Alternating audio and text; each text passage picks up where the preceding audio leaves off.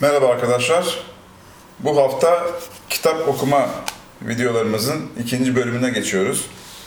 Ee, bildiğiniz gibi e, daha önceki videolarda Amak-ı Hayal kitabını işlemiştik. Ee, son bölümünü de geçen hafta okuyarak Amak-ı Hayal kitabını tamamladık. Bu hafta e, yeni bir kitaba başlıyoruz. Kitabın ismi Marifet ve Velayet. Yani Türkçesi Allah'ı bilmek ve Allah'a yakınlık diye tanımlayabiliriz değil mi hocam? Hoş geldiniz. Hoş bulduk. Hocam marifet ve velayet bu kelimeleri bir açabilir misiniz ilk önce ön söze girmeden? Marifet tanımak, Allah'ı tanımak. Velayet de ona yaklaşmak, ona yakın olmak. Peki marifet derken genelde e, bizim küçüklüğümüzden beri kafamızda yer eden halk içinde işte göster evladım şu marifetini falan derler ya. Bir işi Nedir? bir işi iyi bilmek demektir. Yani iyi bildiğin zaman o işi tanımış oluyorsun. Yani bilgi edinmek midir bu? Bir işi Sağlıklı. iyi tanımak, iyi yakından tanımak demektir. Hmm. Bir işi yakından tanıdığın zaman o işi iyi biliyorsun demektir. Ona marifet diyorlar halk arasında. Ee, o işi de tabi Allah'ı da bizim tanımamız gerektiği için, bilmemiz gerektiği için ona da marifet evet, denilmiş. Evet, yani insan için en önemli şey kendi yaratanını bilmek. Kainatta sonsuz bir bilinç var, bir güç var, bir bilgi var, Evet yazılım hocam. var, irade var, tercihler var, bilinçli tercihler var. Bunun sebebini bilmek, bunun yapanını bilmek en insan için en önemli ihtiyaçtır. O zaman siz de o yüzden bunun birinci bölümü almışsınız. bu kitap kitabın birinci Bize bölümü. güzel bir şekilde Allah'ı tanıtıyor. Ve Allah'a yaklaştırıyor da. Bu velayet kısmında o olmuş oluyor değil mi? İkinci Böyle bölüm. ikinci bölüm velayet kısmıdır. Ön sözde dilerseniz başlayayım okumaya. Buyurun. Kitabın ön sözünü okuyorum arkadaşlar.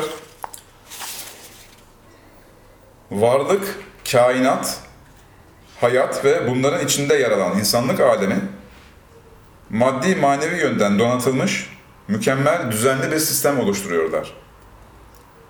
Bu sistem soyut ve somut boyutları ile düzenli, bilinçli, süreklilik gösteren bir yapı arz ediyor.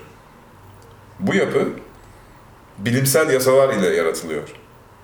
Bütün geçmiş ve geleceğiyle fizik ve metafizik boyutlarına egemen olan güçlü, belirgin sonsuz bir bilinç ile yönetildiği görünüyor. İslam dini bu bilinç ve güce yani ilim ve kudrete Allah ve Rahman diyor. İkisi aynı şey. Aynı mıdır hocam? Aynıdır. Allah Allah'ın soyut boyutu, Rahman ise somut boyutunu ifade ediyor. Aradaki fark odur.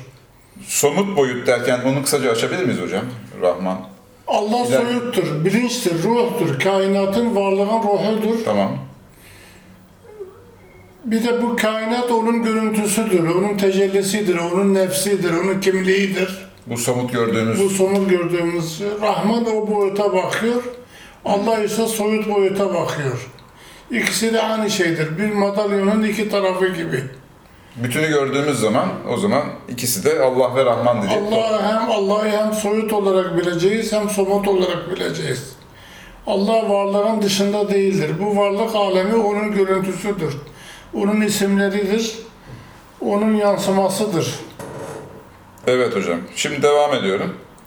Varlığın bu iki temel direğiyle beraber bilinçli yönetim ve işlemek demek olan iradeyi de bildiğimizde Allah'ın üç temel ismini yani tecellisini anlamış oluruz. Üç şey yani enerji, yazılım, evrim, kudret, ilim, irade. Bu üçünü bildiğimizde varlığı tam tanımış oluruz.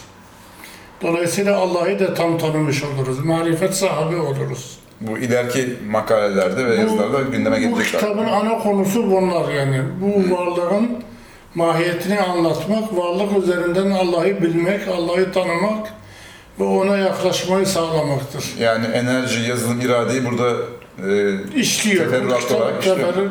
bu kitap bunu işliyor. Devam ediyorum. Varlık, bütünlük ve organizma olduğundan her şeyin içinde kendi yapısına göre bir benlik vardır. Allah en büyük ve sonsuz varlık olduğu için en büyük ben, kişi ve otorite Allah'ındır. Ee, Muhammed İkbal, İslam düşüncesinin yeniden teşekkülü Evet. kitabında bu gerçeğin izahına Benlik kavramı yer vermiş. yani insanda benliğin oluşması, Allah'ın benliğinin bir yansıması olduğunu ve Allah'ın benliğinin nasıl oluştuğunu çok güzel ispat etmiştir o kitabında. Bu ilahi sonsuz benlik her varlığa yoğunluğuna göre yansıyor. İnsan varlık ağacının özü, çiçeği ve çekirdeği olduğu için benlik onda en gelişmiş şekilde var olmuştur. Hatta ilahi benliğin gölgesi olduğu halde çoğu zaman kendini onun yerine ikame edip tanrılık iddiasında bulunuyor. İnsanın bu ve benzeri davranışlarından anlıyoruz ki İnsan diğer varlıklar gibi sabit, değişmeyen bir düzene tamamen bağlı bir robot değildir. Yani doğal sistem içinde her varlığın görevi belli ve sabittir. Özgürlükleri yok denilecek kadar azdır. Fakat insan belli oranlarda özgürdür. Herkes vicdanında bu özgürlüğü hisseder. Demek insan doğaya yüzde yüz bağlı bir durumda olmadığından onun görevi diğer bitkiler ve hayvanların görevleri gibi şeyler değildir. İnsan önemli bir varlıktır. Çünkü irade sahibidir. İşte zaten dünyada kainatın merkezi Evet. olmuş. Dünya küçük olduğu halde kainat içinde kainat içinde dünya çok küçük olduğu halde insan kainatın merkezi olduğundan dünya adeta kainatın merkezi olmuş. Yani nicelik olarak e, çok küçük görünmesine rağmen Rağmen nitelik olarak insan çok fa- faktörlü, çok işlemli bir sisteme sahip olduğundan evet hocam. İnsan kainatın merkezi sayılır. Dolayısıyla insan neredeyse kainat orada, merkezi orasıdır. O zaman demek ki niceliksel oranlara göre küçümsememek lazım. Dolayısıyla güneş sistemi içinde, kainat içinde, galaksiler içinde dünyanın küçüklüğünün önemi yok. İnsanın büyüklüğünün önemi var. Evet iyi bir açıklama oldu. Evet, insan belli oranlarda özgür olduğundan ve bütün soyut değerleri öğrenme yeteneğine yani istidadına sahip bulunduğundan insanın asıl görevi bu varlık sistemini anlamak, eşyanın özelliklerini öğrenmek, onların benzerlerini yapmak, tabiata bir dereceye kadar yön vermek, manevi ve soyut değerleri öğrenip onlar sayesinde sisteme entegre olmak, yani ibadet bu demek oluyor galiba. Evet, entegrasyon. Ve bu sayede gerçek varlık olan ebediliği, manevi güzelliği ve soyut değerleri yaşamaktır. Evet, insanın sosyal konumundan ve zihinsel yeteneklerinden dolayı onun asıl görevinin soyut ve manevi değerleri öğrenip yaşamak olduğunu anlıyoruz. Dolayısıyla insanın varlığı ancak varlığın varlığın ruhu ve gerçekliği olan Allah'ı bilmesi ve ona yaklaşmasıyla gerçekleşir diyebiliriz. Çünkü bütün manevi ve mücerret yani soyut değerlerin başında bu hakikat yer alıyor. Din, birinci görev olan Allah'ı bilmeye marifet, ikinci görev olan manevi ve mücerret soyut değerlere yaklaşıp onları yaşamaya da velayet diyor. Bu kitabın birinci kısmı, birinci görevin anlaşılmasını sağlıyor.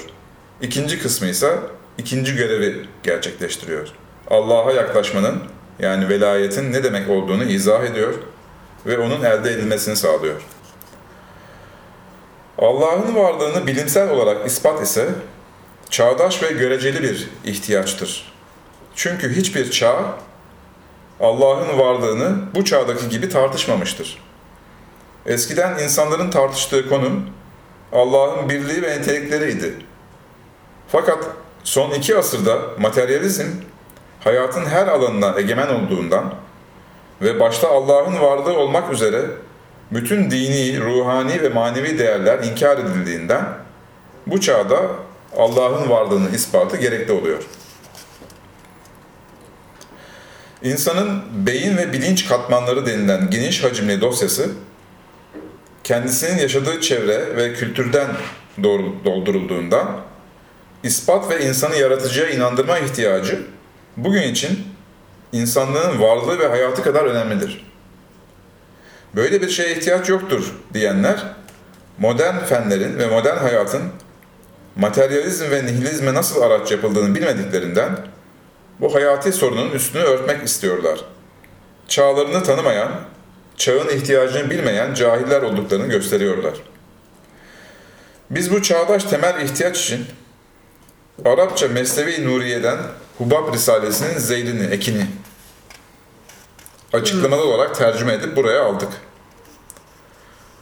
Bu çağdaş ihtiyacımızı Risale-i Nur'dan alıyoruz diyorum. Çünkü Risale-i Nur Allah'ın varlığını ve birliğini ispatına 3000 sayfa yer vermiş. Başka hiçbir kitapta olmayan delillere ve muhakeme tarzına sahiptir. Allah'ın varlığı ve birliğinin ispatı birinci derecede olmakla beraber Risalelerde Allah'ı tanımak ve velayet için de önemli bilgi, prensip ve deliller vardır. Allah'ın varlığının ispatı gibi çağımızda önemli derecede bir ihtiyaç olan bir mesele için kısa bir ek yeterli midir diye sorabilirsiniz.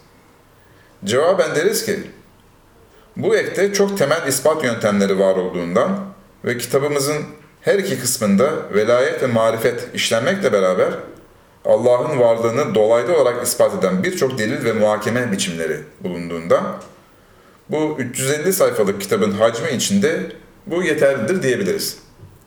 Evet bu marifet ve velayet kitabı bilgi kaynağı ve fonksiyon olarak önemli olmakla ve beş önemli görevi görmekle beraber insanlarda özellikle halk kesiminde oluşan beş olumsuzluğu da gideriyor. Şöyle ki, birincisi insanlar istisnasız olarak kutsal bir varlığa tapınır. Kutsal bir varlığa inanmıyoruz diyenler yine ideolojilere tapınıyorlar. Çünkü tapınma insan için en temel ihtiyaçtır. Hiçbir şey tapınmanın yerini dolduramaz. Demek bu kitap sonsuz, aşkın ve ölümsüz bir varlığı tanıtmakla insanın en önemli ihtiyacını karşılamış oluyor. Geçici fani şeylere ve ideolojilere tapanlar için de önemli bir hizmet görüyor. Çünkü onlara daha sağlıklı, daha gerçekçi bir alternatif sunuyor. Tarihteki kavgaların, sürtüşme ve savaşların ekonomi ve açlıktan sonra ikinci sebebi dini inanışların eksik, farklı ve birbirine zıt bilgiler içermesidir. Demek bu kitap sonsuz ve aşkın bir yaratanı göstermekle dünya barışı için en ciddi ve temel bir hizmeti ifa etmiş oluyor. İnsanoğlu her şey ile ilişkili olduğundan ve her şeyden dolayı ya üzülür ya da korkar bir durumda bulunduğundan şahsi, ailevi ve sosyal hayatta sonsuz bir sıkıntı ve azap çekiyor.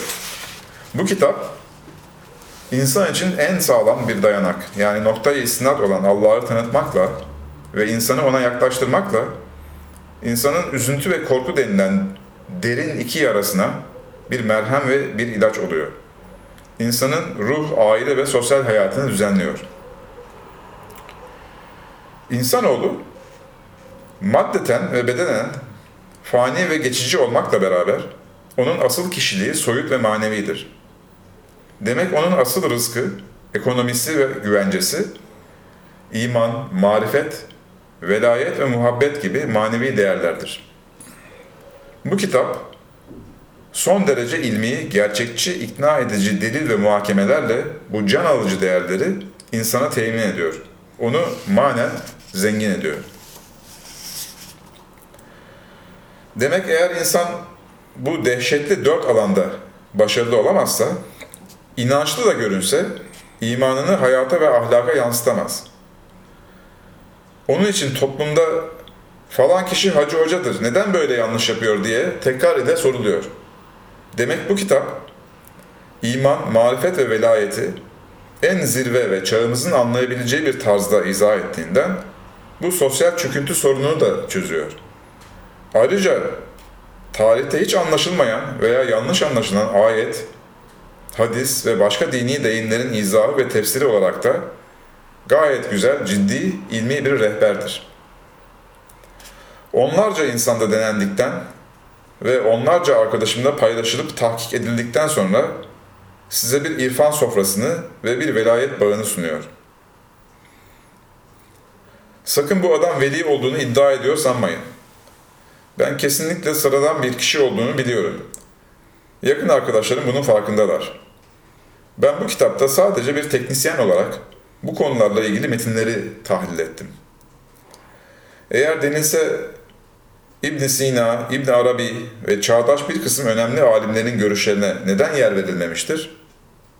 Cevaben deriz ki, İrfan ekolleri içinde İbn Arabi müstesna bir makama sahip olduğu gibi, Orta Çağ felsefesinde İbn Sina eşsiz önemli bir şahsiyettir. Bununla beraber bu zirve iki zatın ve diğer düşünürlerin yazdıklarını çağımıza hitap etmez kılan beş sebep var. Şöyle ki, İbn Arabi varlığı tanıma ve irfan konusunda son derece özgür gittiği halde üç engel onu eksik veya anlaşılmaz kılmıştır. Yer yer keşfi malumatını aşamıyor. Halbuki keşif rüya gibi tabir ister.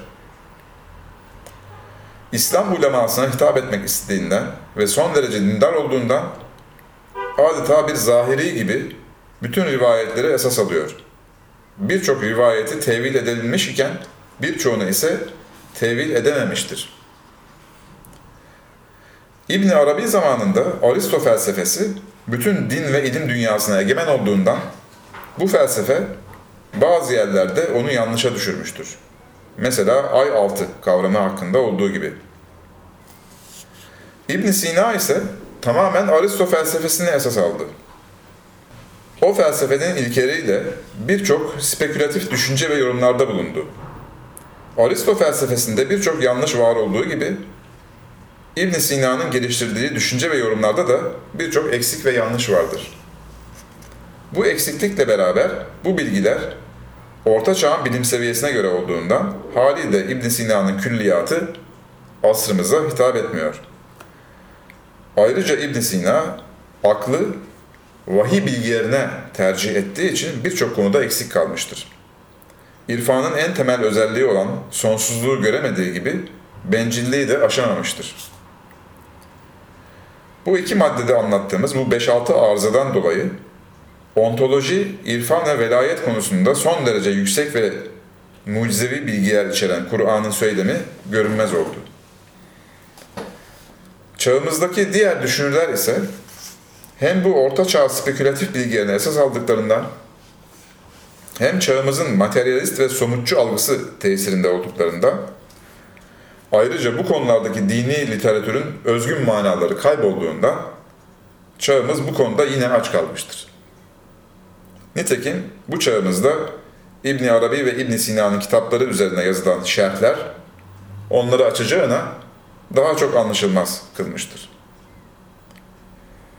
Avrupa'da ilim adamları varlığı tanımak için çok çaba harcamalarına rağmen parçalı varlığa parçalı olarak baktıklarından mesela kudret, ilim ve iradeyi bir ve tek bir gerçeklik olarak görmediklerinden insanın sorumluluk ihtiyacını doğuran hakikati bulabilmiş değillerdir.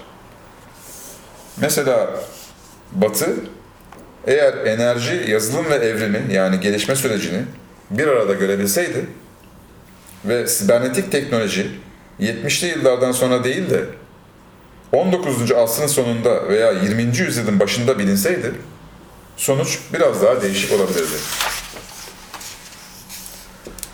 Bu kardeşiniz sırf kendi ihtiyacı için tarihin bütün bu birikimini gözden geçirdi. Bilimsel bir mantık ile Kur'an'ın bu konudaki mucizevi ayetlerinin manalarını tespit etmeye çalıştı. Değişik zamanlarda farklı ihtiyaçlar için bu kitabın her bir bölümü müstakil olarak yazıldı. Sonra öyle bir bütünlük oluştu ki sanki kitap bir tek bölümden ibarettir. Bu kitabı Sartre ve Nietzsche gibi varoluşçuların tesirinde kalan 5-10 arkadaşıma okuttum. Aradığımızı burada tam olarak bulduk. Her şey yerli yerine oturuyor dediler. Bu tespitlere rağmen bu kitap çok önemli noktalarda yukarıda bahsi geçen büyük zatlardan çok önemli ve özet bilgiler alınmış. Bu alıntılar günümüzün anlayabileceği bir çerçeve içinde harika tespitler olarak yazıya geçirilmiştir. bütün insanların bu hakikat çeşmesinden içmeleri ve bununla varoluş ve hayat arkadaşları ve yoldaşlar olduklarını hissetmeleri için bu kitabı yayınlıyorum. Buna ayrı iki isim koyduk. Yine yetmiyor. Çünkü postmodern Türkçe'de bu kitabın içindekilerine varlık ve tanrı algısı denilir. Bu bilgileri umumun istifadesine, özellikle üniversite dünyasına sunuyorum. Dini metinlerin her konuda olduğu gibi bu konuda da mucize olduğunu göstermeye çalışıyorum. Bununla bilim ile dinin arasında açılan büyük fayın kapanmasını umuyorum. Bu kitabın bana bakan yönü ise bunlarla imanımı kurtarmam oldu. Evet, ben bu asırda imanı kurtarmak yeter diyenlerden biriyim. Son bir ricam, makalelerin bütünlüğü bozulmasın ve muhakeme gücü zayıflamasın diye 3-4 kısa bilgi 4-5 makalede tekrar edilmiş, okuyucularımızın bunu müsamaha nazarıyla karşılamalarını umuyorum. Bütün okuyucularıma sonsuz selam ve hürmet ediyorum. Bu kitap ile varoluş kaygılarını bitirmelerini bekliyorum. 27 Mayıs 2014 Bahattin Sağlam. Hocam tekrar hoş geldiniz. Hoş bulduk. Ön sözü bu şekilde bitirdik. Evet. Kesinlikle bu kitap Allah'ı güzel tanıtıyor. Evet. Varoluş kaygısını gideriyor. İnsan için en önemli sorun varoluş kaygısının gitmesidir, giderilmesidir. Yani ön sözün başında belirtilen bu kitap bunun için yeterli midir sorusuna cevap oluşturmuş oluyor. Oluşturmuş içeriğiyle. oluyor, içeriğiyle. Ama dikkatle dinlemek lazım, dikkatle okumak lazım. Biraz ağır, e, derin bilgiler içeriyor. Derin bilgiler içeriyor, detay çok detay var. Evet hocam. Onun için sırayla gideceğiz. Önce yaratılışı ve rahmeti işleyeceğiz. Evet hocam. Allah bu kainatı nasıl yaratıyor ve nasıl işliyor? Onu inceleyeceğiz. Bu rahmet ve merhamet hakikati onu mu işliyor? Onu işliyor. Başlıyorum. Buyur. Rahmet ve merhamet hakikati. Merhamet, rahmet ve rahim aynı kökten gelen kelimelerdir. Bu kökün manası ise yumuşaklık demektir. Bu etimolojik anlamı mı hocam. Evet, etimolojik anlamı yumuşaklık demek. Yumuşaklık. Daha sonra bu kelime kalp yumuşaklığı manasında kullanılmış ve bu yumuşaklığın sonucu olarak yapılan iyiliğe rahmet ve merhamet denilmiştir. Kadınların rahmine bu ismin verilmesi bu münasebettendir. İlginçtir ki doğurganlığı sağlayan da bu yumuşaklıktır. Aşağıda dipnotlar da var hocam. Evet, Bu rahmet kelimesi sondaki t'nin ilavesiyle fazlalığı ifade eder. evet. Arapçada harf arttıkça mana artıyor. Sonda bir T harfi var Bir galiba mi tarafı Arapçada? artmış, mana da artmış. Kur'an'da sadece Allah'ın yaratması, ilgilenmesi, gönderdiği vahiy ve peygamberler manasında Ee, kullanılmıştır. geçiyor. Ve 114 sefer Kur'an'da geçmiştir. Evet, Etkinlik manasını içeren geçişli bir kalıptır. Merhamet ise edilgenlik manasını ifade eder. Kur'an'da sadece bir yerde geçmiş merhamet. evet. O da insanın acıyıp şefkate gelmesi manasında kullanılmıştır. Evet, insan kalp yumuşaklığının sonucu olarak iyilik yapar.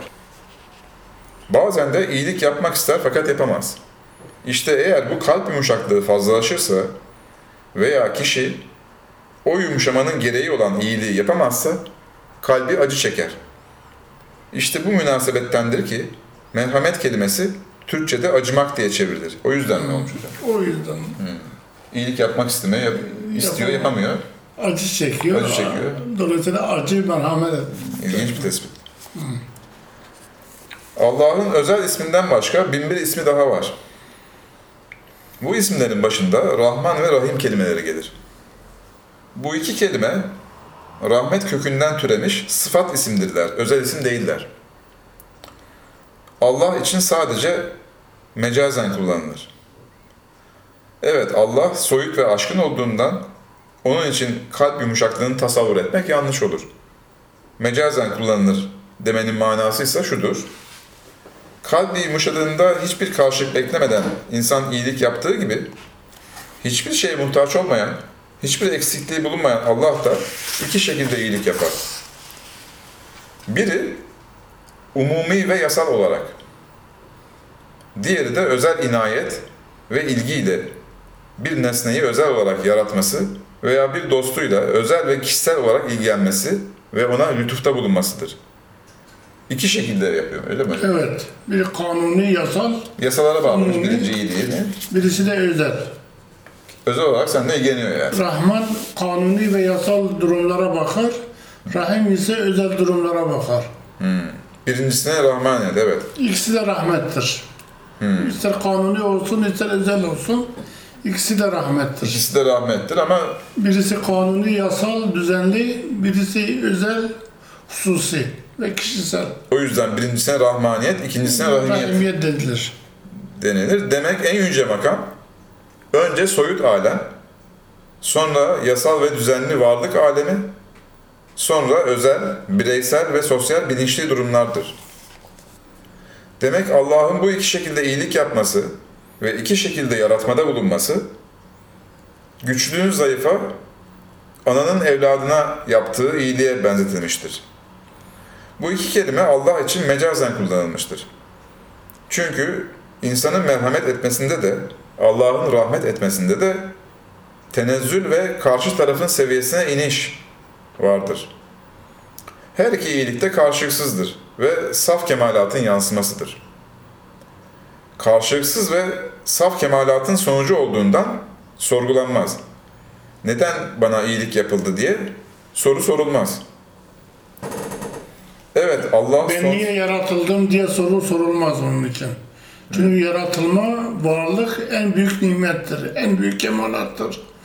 en büyük iyilik olmuş En büyük zamanda. iyiliktir. İyilik neden yapıldı sorgu, sorgulanmaz. Hmm, oraya geliyor evet.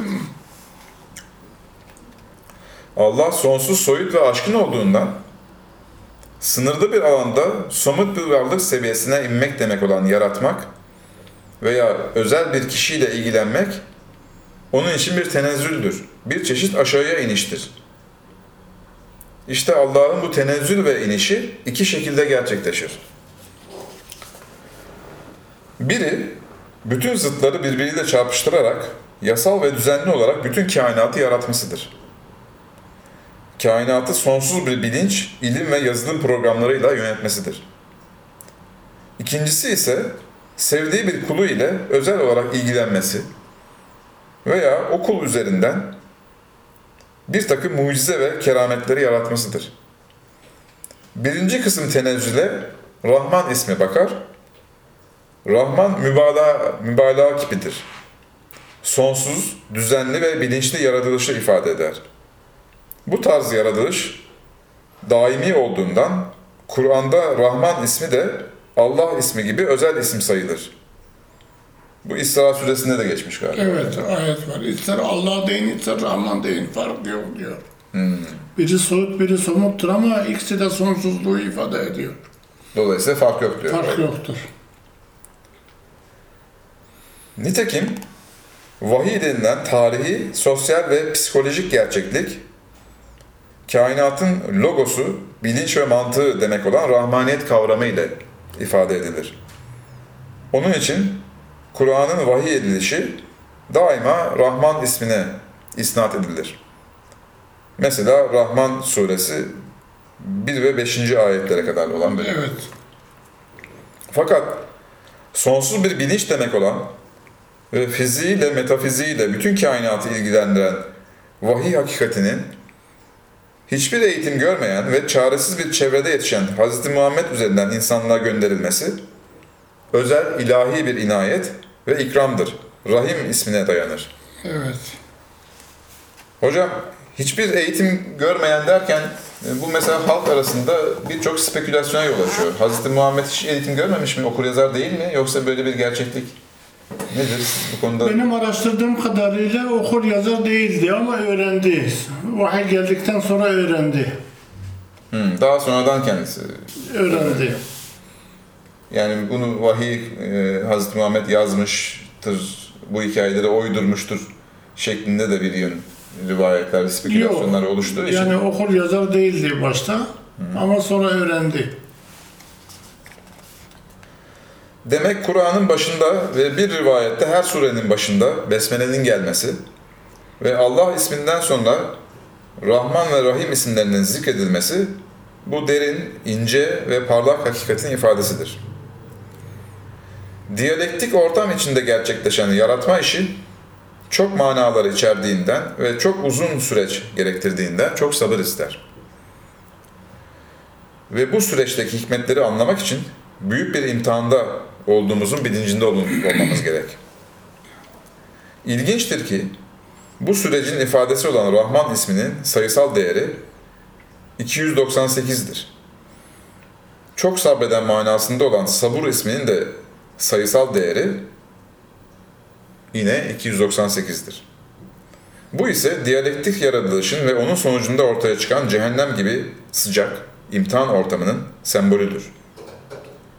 Biraz sonra gelecek olan besmele hakkındaki notlara dikkat edin demişsiniz hocam burada. Evet. Bu değerler ebcedi değerler midir hocam? Arapçada Şimdi eskiden alfabeler Roman rakamları gibi sayısal ifade, sayısallık ifade ediyordu. Dolayısıyla 28 harf ondalık sistemin 28 basamağı gibi. Her harf bir değerdi. Arapçada alfabe aynı zamanda rakam yerine kullanılıyor. yani her harfin Bir mutlaka bir sayısal, sayısal değeri vardır. değeri var. Dolayısıyla kelimelerin sayısal değeri aynı zamanda bir mana, bir semboldür, bir bilgi içeriyor. Dolayısıyla o yönden de bakmamız gerekebiliyor zaman zaman. Ben kullanıyorum bunları ve işe yarıyor da. Evet hocam. 14. lemada Risale-i Nur Külliyatı'ndan Evet. 14. lemada özet olarak yaratmak demek rahmet demektir. Rahmet demek yaratmak demektir. Bu sonsuz uzayı varlık ile şenlen- şenlendiren rahmettir. İnsanlığı binbir duyguyla donatan, sosyal hayatı Hz. Muhammed ile şenlendiren rahmettir deniliyor. Evet varlık, varoluş ve yaratmak saf hayır ve rahmettir. Bu risalede Bediüzzaman varlığı adeta İbn Arabi gibi anlamıştır. Çünkü İbn Arabi'ye göre somut varlıklar Allah'ın isimleridir. Bizim bu kullandığımız e, Rahman ve Rahim gibi isimler ise isimlerin isimleridirler. Nitekim Bediüzzaman bu risale akıl ve fikirden ziyade kalp ve hisse bakar diyor. Bu ikinci makamın tasavvufi bir risale olduğunu dile getiriyor. Bununla beraber diğer risalelerinde kelam alimleri gibi Allah'ın isimlerini soyut yetkinlikler olarak izah ediyor. Kainat ve içindeki her şey o yetkinliklerin tecellisidir diyor. Evet isim terim olarak yetkinlik manasına gelir. Normal kelime manası ise somutlaşan, görünen nokta ve işaret demektir. Bununla beraber diğer kelam alimlerinden farklı düşünür. Sevmek, lezzet almak, faaliyet isteği gibi yetkinlikten kaynaklanan bütün beşeri nitelikler aşkın ve mukaddes olarak Allah'ta da var diyor. Allah'ın salt ve duygusuz bir varlık olarak algılanmasına karşı çıkıyor. Mesela merhamet ve rahmet manasında kullanılan şefkat genelde sadece insan için kullanılmıştır. Çünkü şefkat duyan kişi şefkatinin gereğini yapamadığı zaman onun beyninde şafak atar. Kalbinde yangın çıkar. Evet Bediüzzaman kutsal ve aşkın bir manada bu kelimeyi de lezzet, sevinç, memnuniyet ve gazap gibi kelimeleri de Allah için kullanıyor. Şefkat kelimesi şafak kökünden mi geliyor hocam? Aynı kökten gelir. Hmm, o yüzden şefkat demişler. 24. mektupta bu konu izah edilmiş. Evet. Çünkü insan ruh, mana ve duyular olarak ilahi isim ve manaların bir hülasasıdır. Allah'ta var olan bütün manalar insanda da numunecikler olarak vardır. Bu mana Kur'an'da geçiyor yani insan Allah'ın halifesidir. Dolayısıyla insanda olan duygular kutsal bir şekilde Allah'ta da vardır. Aşkın bir şekilde Allah'ta da vardır. Bu antropoformizm değil. Yani insanı Allah'ı insana benzetmek değil. İnsan Allah'a benziyor zaten. İnsan Allah'a benziyor. Yani kainat Allah'ın görüntüsüdür. Kainattaki duygular, mefhumlar, kavramlar Allah'ta da var olduğunu anlıyoruz. Çünkü kainat, insanlık Allah'ın görüntüsüdür. İnsan aynı zamanda e, birey olarak da ele alındığından kainatın merkezidir demiştik ya Evet, konunun başında. evet. Demek ki ondaki bütün o duygular Duygular Allah'ta da vardır. Aşkın bir şekilde. birey olarak bizde yansıtmış mı hocam onları? Biri olarak bizde yansıyor. İlginç. Bu insan Allah'ın halifesidir dediniz peki. Bu halifelikten genelde insanların bir sultanlık, saltanat falan anlıyorlar. Bu doğru bir şey mi yoksa asıl- Yeryüzünü Allah namına idare etme yetkisine sahiptir. bu mudur yani halifelik? Halifelik odur. Allah namına yeryüzünün halife onun yerine geçen demektir. Ha, onun namına burayı imar ediyor, bayındır hale Bayındır getiriyor, hale insanları getiriyor, dünyayı yönetiyor. Bu yani. Budur. Kendi Halife- namına değil yani. Kendi namına değil, Allah namına. Evet. Allah'ta var olan bütün manalar insanda da numunecikler olarak vardır dedik. Bu mana bir rivayette şöyle ifade edilmiştir. Allah insanı Rahman suretinde yarattı. Bakın kendi suretinde yarattı denmiyor. Başka bir rivayette ise Allah insanı kendi suretinde yarattı şeklinde ifade ediliyor. Bu ikinci rivayette somut boyuta bakan Rahman ismi yerine soyut ve manevi boyuta bakan Allah ismi zikredilmiştir. Arada böyle detaylı farklar var. Evet. İki rivayet de doğrudur. İkisinin manası rahmet yani duygular bazında Allah'a benziyor insan. Bir de insan soyut algıya sahip olduğu için Allah da soyut olduğundan soyut boyutta da Allah'a benziyor. Yani Rahman suretinde yarattı derken senin Somut- somutun bana benziyor diyor. Somutun bana benziyor. Soyut, soyut bu algıda da sen bana benziyorsun diyor. İlginç. İkisini birbirinden ayırabilmek lazım. Evet. Bu boyut Tevrat'ın tekvin kitabında şöylece izah ediliyor. İnsanoğlu iyi ile kötüyü birbirinden ayırt edince yani soyut değerleri öğrenip eşyanın mahiyetini anlayınca Allah ve melekleri bu insan artık bizden biri gibi oldu dediler. Tekvin. İkinci bab 22. ayet değil mi hocam? Demek iki rivayette doğrudur.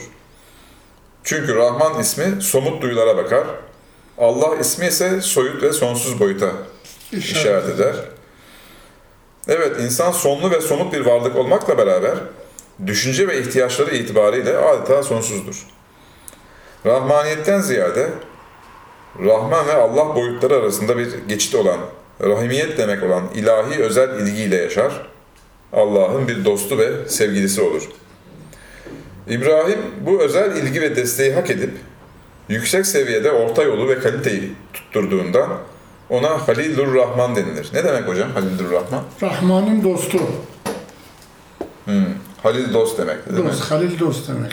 En yakın dostu demek. En yakın dost demek. Evet, Rahim kelimesinin sayısal değeri 258 ettiği gibi İbrahim kelimesi de 258 ediyor. Burada da böyle bir şey var. Ya- Yakınlık Yakınlık var. benzerlik var. Hadis bu manayı şöyle ifade etmiştir. Allah bir işi yapıp da onu kaliteli kılana rahmet eder. Evet, İslam dini zıtları birleştirip barıştırmakla ve bunun sonucunda gelen kaliteyle kısa bir zamanda dünyanın yarısını elde etti. Hadiste geçen rahmet, yani Allah'ın kuluna rahmet etmesi kavramı, başarı demektir. Meryem suresinin ilk ayetlerine e, ayetlerinde geçen Zekeriya'nın ilahi özel rahmete mazhar olması, işari ve kıssadan hisse olarak İslam'ın 1400 yıllık başarısına işaret ediyor. Meryem suresi ile ilgili tefsirimize bakabilirsiniz demişsiniz hocam burada. Evet. Evet, Hz. İbrahim, hilm, şefkat ve rahmet kıvılcımıyla nefsin dar alanından çıkıp sonsuzluğa yöneldi. Geniş dairedeki bütün zıtları orta yolda birleştirip, ilmi bir metot ile bütün insanlık için kalite ve medeniyete giden bir yol açtı. Onun bu yolunun ve dininin ismi Hanif'tir. Hanifiyet, farklı zıtları tevhid ve birlik potasında birleştirip gerçekçi, ilmi ve kaliteli bir hayatı gerçekleştirmek demektir. İbrahim burada evrensel bir kavram olarak kullanılmıştır. Nitekim İbrahim kelimesinin ilk manası sağlamlık ve kaliteli olmak demektir. Çünkü İbrahim'in ilk ismi İbram'dır. Bu da kalite ve sağlamlık demektir. O bu kaliteli hayat ile İbrahim yani şefkatli baba ve herkesin babası manasına İbrahim oldu. Evet İbrahim rahimiyet bağlamında bütün zıtları birleştirdi. Önce Halilur Rahman oldu. Yani Allah'ın dostu oldu. Sonra sonsuz soyut birliği yakalayınca yani zıtlar mertebesini aşınca Halilullah oldu. Evet, ikisi de Kur'an'da geçiyor. Halilullah ve de Halilur Rahman. Bu Halilur Rahman olması somut e, hayat içerisindeki zıtları birleştirdiği için. birleştirdiği için sonra soyutu algıladığı, aş- zıtları aşıp soyutu algıladığında bu sefer Halilullah Bu oldu. sefer Halilullah oldu. Demek gerçek şefkat ve merhamet bu iki yönlü bütüncüllüktedir. Yazının başlığındaki değil mi? Rahmet ve merhamet hakikati. Demek tek taraflı veya dar bir alanda yansıyan şefkat ve merhamet, şefkat ve merhamet değildir. Olsa olsa bir maraz ve hastalıktır. Hz. Muhammed, Hz. İbrahim yolunda gittiğinden, onun gibi birçok zıt boyutu sırat-ı müstakimde yani orta yolda birleştirdiğinden ona rahmeten değil alemin denilmiştir. Yani alemlere bir rahmet olarak Evet, geldi diyor değil mi? geldi öyledir. Bir başarı, bir başarıdır, bir rahmettir, bir tecellidir, bir aksiyondur. Evet hocam. Buna takviye olarak ilahi rahmete daha çok mazhar olsun diye ona salavat getirilir. Bu sıkça mesela yapar, yaparız biz değil mi hocam? Yani toplum içerisinde sıkça yapıyor. Ne dedi bunun şey tam Yani onun anlamadım. manevi kişiliği gelişsin diye ona dua ediyoruz. Onun manevi kişiliği geliştikçe o da bize yardım eder. Çünkü bizim liderimizdir. Bizden ona dua, onun manevi kişiliğinin güçlenmesi için. Yani beşer olarak değil de onun manevi şahsiyetini Kişi- kişiliğinin güçlenmesi için biz dua ederiz. Onun manevi kişiliği güçlendikçe ondan bize fayda da dokunur. Dolayısıyla senin de getirdiğin salavat dua sana sen kendine yaptığın bir duadır yani. Neticede kendine yapmış. bu bir döngü gibi olmuş oluyor Bir döngü karşılıklı. Senden devlete, devletten sana. gibi. Ha, bravo. Hz. Muhammed'in rahmet oluşu hakkında yukarıda adı geçen 14. lemanın ikinci makamını okuyabilirsiniz. Orada detaylı olarak var galiba. Evet. Halk arasında rahmet ile karıştırılan hürmet kökünün birinci manası ise saygı duymak demektir. Bu kelime aynı zamanda yasak manasına gelir. Çünkü yasakların çiğnenmemesi için yasağı koyana karşı saygı duyulur. Kabe'nin etrafındaki bölgeye de harem denilir. Çünkü orada canlı öldürmek ve birçok mesele daha yasaktır. İnsanın haremi demek ise başkasına açılması günah olan aile ortamı ve eşi demektir. Hülasa rahmet yukarıdan aşağıya iner, hürmet ise aşağıdan yukarıya İkisini çıkar. karıştırmamak lazım. Hürmet ayrı, rahmet ayrı. İkisini burada güzel bir şekilde ayırmışsınız. Ayırıyoruz. Açıklamışsınız. evet. Birisi aşağıdan yukarıya, birisi yukarıdan yukarıdan aşağıya. Evet hocam. Besmele'nin tefsirine geçiyorum hocam. Evet.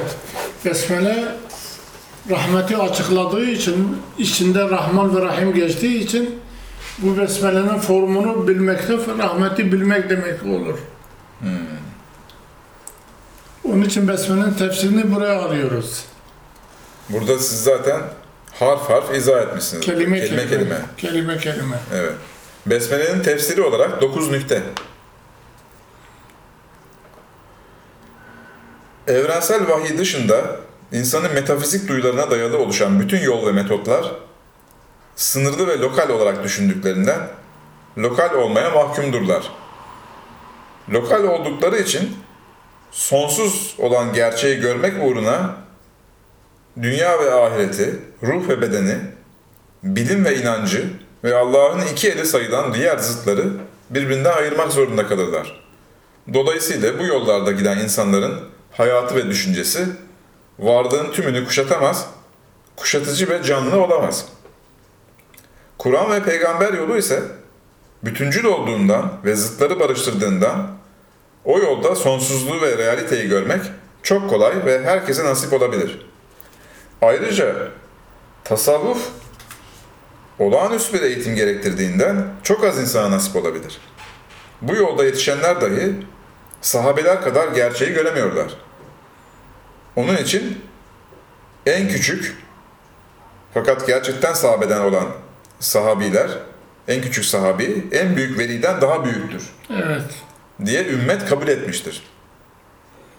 Bu konu 27. söz ve ekinde geçiyormuş hocam.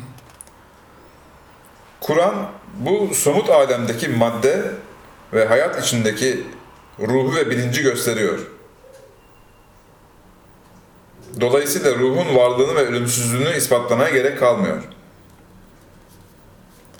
Ve bu yolda bütünlük ve gerçeklik olduğundan insanın geçim için yaptığı kavgalar bile camide yaptığı itikaftan daha sevaplı olur. İslam dininde ilim kaynağı beş duyu verileri ve icmadır. İcma nedir hocam? İcma oy birliğiyle bir şey kabul edilmesi. İlim kaynağı eğer ki oy birliğiyle bir şey kabul ediliyorsa o zaman o kay- ilimdir. ilimdir. Yani bilimsel gerçeklik, ihtisas ehlinin genel kanaati ve beş duyunun tespit ettiği yasal veri ve mucizelerdir. Fen bilimleri ise insan nevinin beş duyusu gibidirler.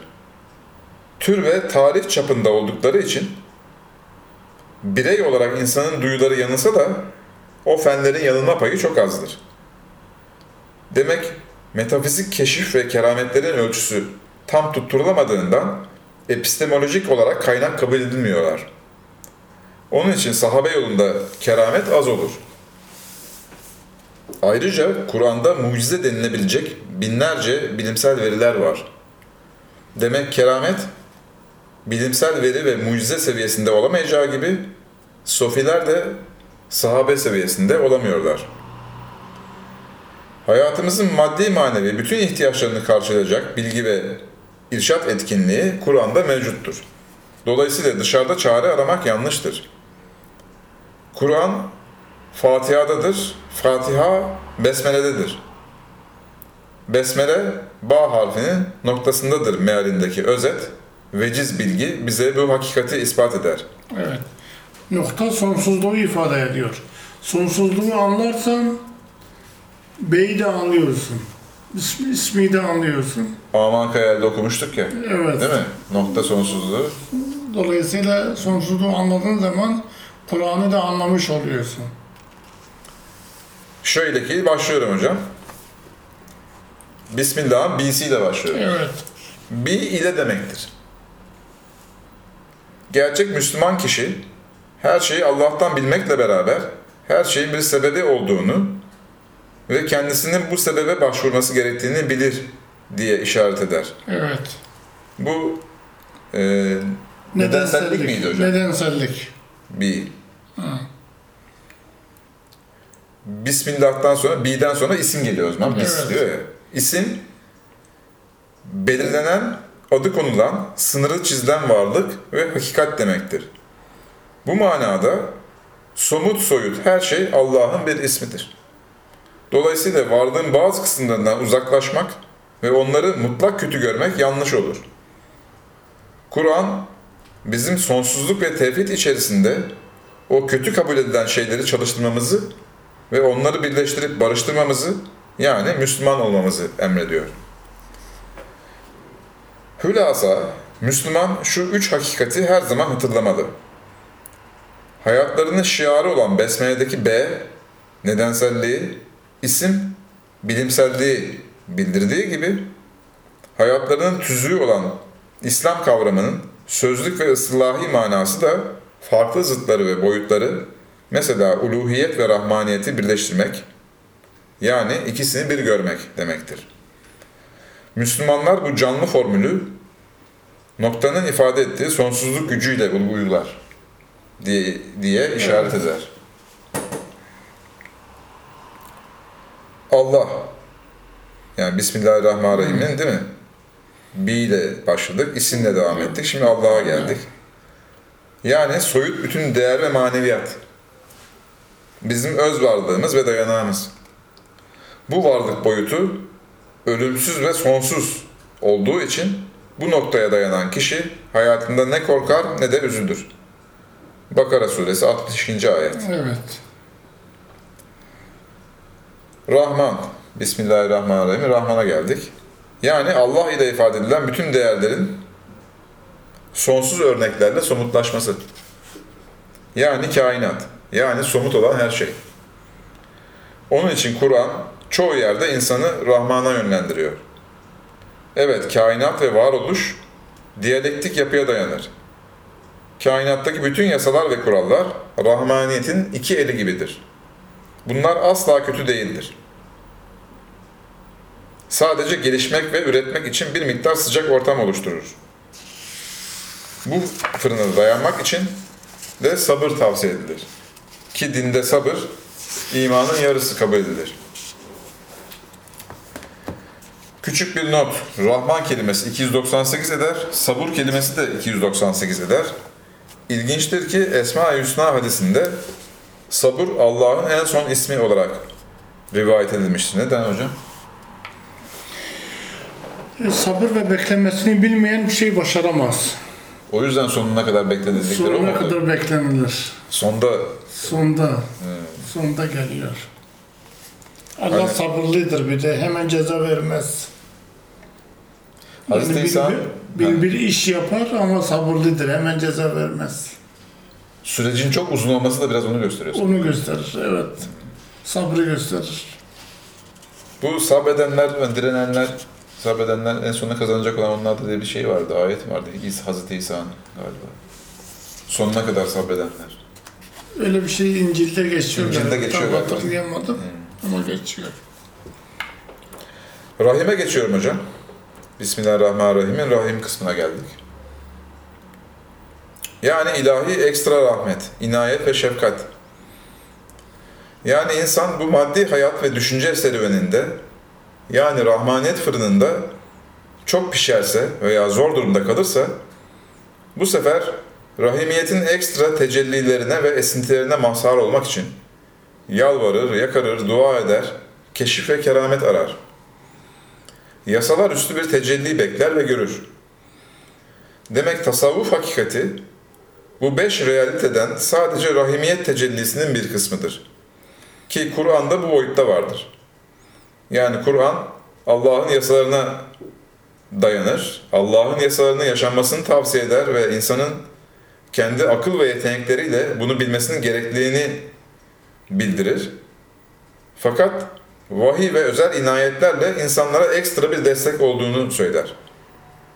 Konusu vahiy olan Meryem suresi, Rahmaniyet çerçevesi içinde vahiyler tarzında gelen ilahi ekstra şefkat ve inayetleri anlatıyor. Rahmaniyet ile beraber rahimiyetini de işlediğini bildiriyor. 19. sure oluşuyla 19 harflik besmelenin bir tefsiri oluyor.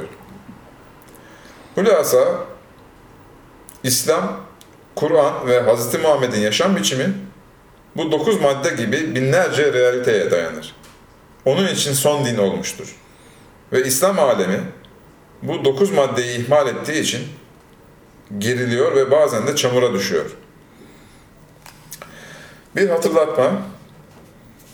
Bu anahtar kitapta besmele açıklaması birkaç sefer tekrar edilmiştir. İlk bakışta bu tekrar fazla ve faydasız görünüyor. Fakat bu açıklamanın anahtar bir bilgi olduğu nazara alınsa ve her bölümün müstakil bir risale gibi olduğu anlaşılsa, burada tekrarın fazla ve faydasız olmadığı anlaşılacaktır. Evet, beş kelimesinde görüldüğü gibi besmele insanın marifet zirvesine çıkaran bir ip ve bir yoldur. Bütün varlık katmanlarını ve kanunlarını içeren ve birbirine bağlayan bir ruh ve bir gerdanlıktır. Demek yüz seferde tekrar edilse buna tekrar denilemez. Onun için Kur'an'da 114 kere tekrar edilmiş. Çok yoğun bir bilgi zinciri Besmele. olduğu için Besmele her işte tekrar edilir. Her işe başlarken besmele çekilir. Onun için çekilir. Yoksa bir, bir tekerleme gibi Tekerleme ve tekrar değildir. Lazımdır. O bilgiler her durumda lazımdır insana. sanki bir şifre gibi değil mi hocam? bu Bir yani? şifredir. Evet. Bir, bir gerdanlıktır. Bir şifredir. 19 harflidir. 19 sistemini bildirir. Kur'an'da 19 sistemi var.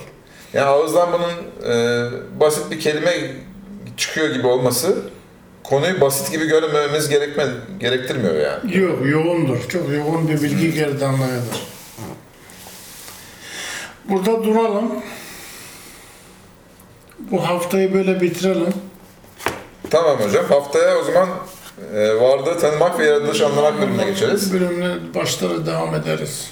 Tamam. Bu şekilde Marifet ve Velayet kitabının e, Birinci bölümünü ve girişini okumuş olduk. okumuş olduk. Arkadaş, Yaratılı, yaratılışı, rahmeti anladık. Allah'ı tanıdık bir miktar.